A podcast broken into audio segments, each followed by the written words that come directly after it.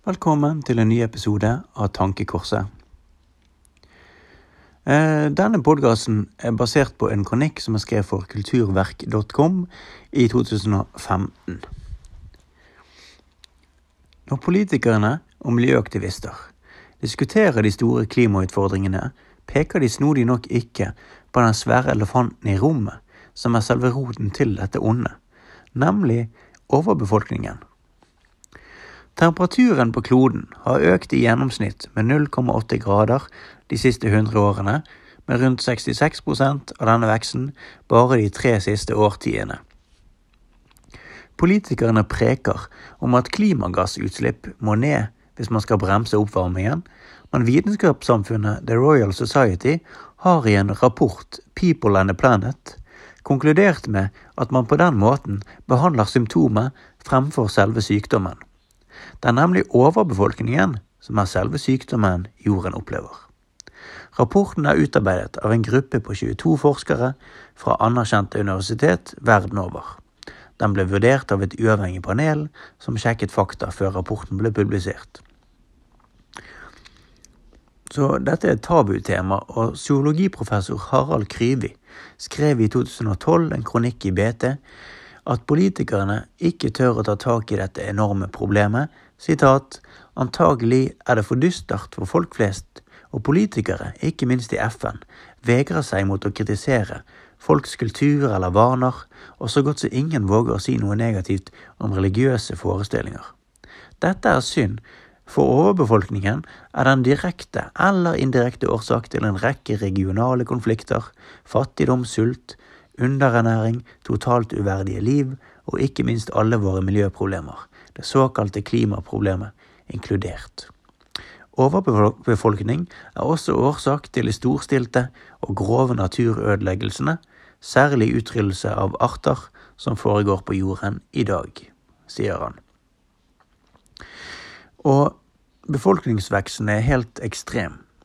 Altså Holdes fødselstallet på samme nivå fremover, vil vi være rundt 10 milliarder i 2050 og 27 milliarder i 2100. Det er verken mat eller plass til så mange. Fødselstallet går riktignok sterkt ned i hele Europa, men det går opp i deler av den østlige verden, f.eks. i India, men særskilt i Afrika, som kan øke fra dagens ca. 1 milliard mennesker til 4 milliarder i 2100. Sør for Sahara får hver kvinne i gjennomsnitt 4,2 barn, og hvert tredje menneske bor i dag i Kina og India. Dersom det lave europeiske fødselstallet skulle holde seg, vil Europas befolkning være halvert på to generasjoner. Europe europeiske kvinner føder 1,5 barn i snitt. Så mens Tyskland, Russland og Pols innbyggere har blitt færre, vil Europa som helhet vokse litt pga. ikke-europeisk innvandring. FNs rapporter om demografi og befolkningsutvikling i verden viser en nesten 100% korrelasjon mellom befolkningsvekst i Europa, i Vest-Europa og innvandring fra utenomeuropeiske land. I Norge har vi nå den sterkeste befolkningsveksten i Europa, og selv om vi i europeisk sammenheng har gode fødselstall, er hovedårsaken innvandring også her. I tillegg kommer da den økte asylstrømmen til Europa fra Afrika. Antallet asylsøkere til EU har nesten doblet seg de siste fem årene, skrevet den gangen da i 2015, og innvandringen fra Asia, spesielt Afrika, har gått opp de siste årene, og i tillegg til å ikke være bærekraftig verken kulturelt eller økonomisk, henger det heller ikke på greip miljøpolitisk. Og som jeg allerede har nevnt i en tidligere podkast, så mener jo ikke jeg at vi eh, skal bli veldig mange færre. Jeg mener at vi skal jeg mener at nordmenn skal få barn og opprettholde sin egen befolkning, men at vi ikke trenger å bli unødvendig flere, og at den befolkningsveksten da burde være av nordmenn og ikke via da ikke-vestlig innvandring. Så energiforbruket må drastisk ned i den vestlige verden. Og det er nettopp befolkningen som forbruker denne energien. Eh, en amerikaner forbruker f.eks. For ti ganger mer enn en fra Benin, og som Andrew Kroglund i Utviklingsfondet skriver. I klimaspørsmålet blir dette misforholdet et rettferdighetsspørsmål, fordi våre store utslipp påvirker afrikanernes mulighet til å øke matproduksjonen og unnslippe fattigdommen. Sitat slutt. Mennesket behøver ca. 2200 kalorier per dag, det vil si ca. 200 kg med korn per år per person. I dag produserer jorden rundt 330 kg per person, men i den rike verden konsumeres det ca. 4000 kalorier per person hver dag. Kostholdet vårt er med andre ord ikke bærekraftig. Det sier seg selv i denne sammenhengen at det heller ikke er bærekraftig for den overbefolkede del av verden å komme i nærheten av den rike verdens levestandard eller forbruksmønster.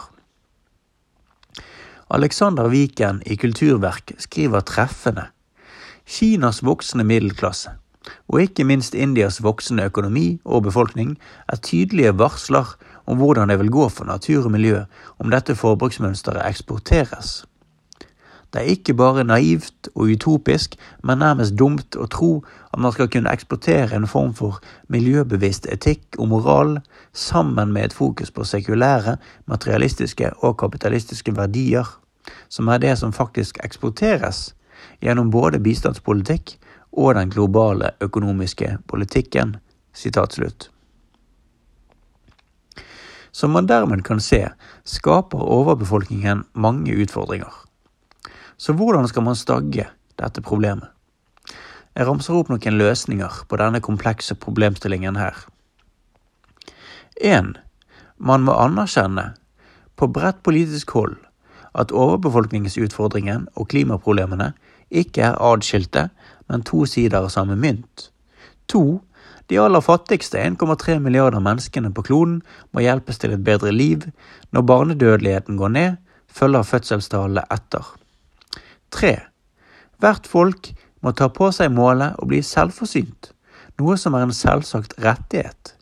Det burde være nasjonal råderett over primærnæringene, altså de næringer som fremstiller råvarer som jordbruk, skogbruk, fiske og fangst. Veldig mange land, i f.eks. Afrika, har ikke fungerende primærnæringer og dermed ikke evne til å fø seg selv. 4. Den industrialiserte del av verden burde kutte drastiske klimautslipp, stimulere næringsliv og bedrifter til å satse på miljø og utvikling av miljøteknologi. Og i, den, i dette, denne sammenhengen her så er det ikke sånn at den industrialiserte del av verden er den vestlige verden. Det er jo, altså Kina er en miljøversting her. De har ekstremt mange kullkraftverk, og det er eh, grusomt for miljøet. Fem. Det personlige forbruket må ned i befolkningen i rike vestlige land innenfor f.eks. matinntak, som mindre kjøtt, og teknologi, mobiler, TV-data etc. At eh, man ikke forventer å få den nyeste mobilen eller bil eller PC eh, ja, hvert år, eller Altså, ja. Forbruket må ned. Seks. Masseinnvandringen til rike vestlige land må stoppes. Fordi dette resulterer bare i at enda flere legger til seg et naturfiendtlig forbruksmønster. I den sammenhengen, sammenhengen, der så kunne man jo si at uh, bevegelser og partier som hevder at de er miljøvennlige, som Miljøpartiet De Grønne f.eks., det er jo merkelig at de da ikke på samme tid sier at, uh, at uh, ja, vi, vi, vi kan ikke ha um, storstilt masseinnvandring. Fordi at det fører til et økt ødeleggende forbruk som ikke fungerer. Syv. Bistand bør gis bare til stater som driver en målbevisst befolkningspolitikk med f.eks. gratis prevensjon og sterilisering for de som skulle ønske det selv.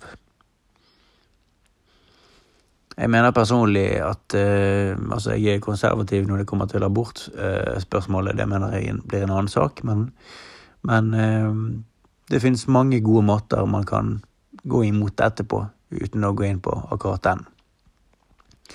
Åtte. Vesten burde gå vekk fra vekstparadigme, økonomisk vekst, og heller satse på selvforsyning og en industri Vår egen arbeidskraft er målet, istedenfor at underbetalt arbeidskraft blir stimulert, noe som fører til økte forskjeller.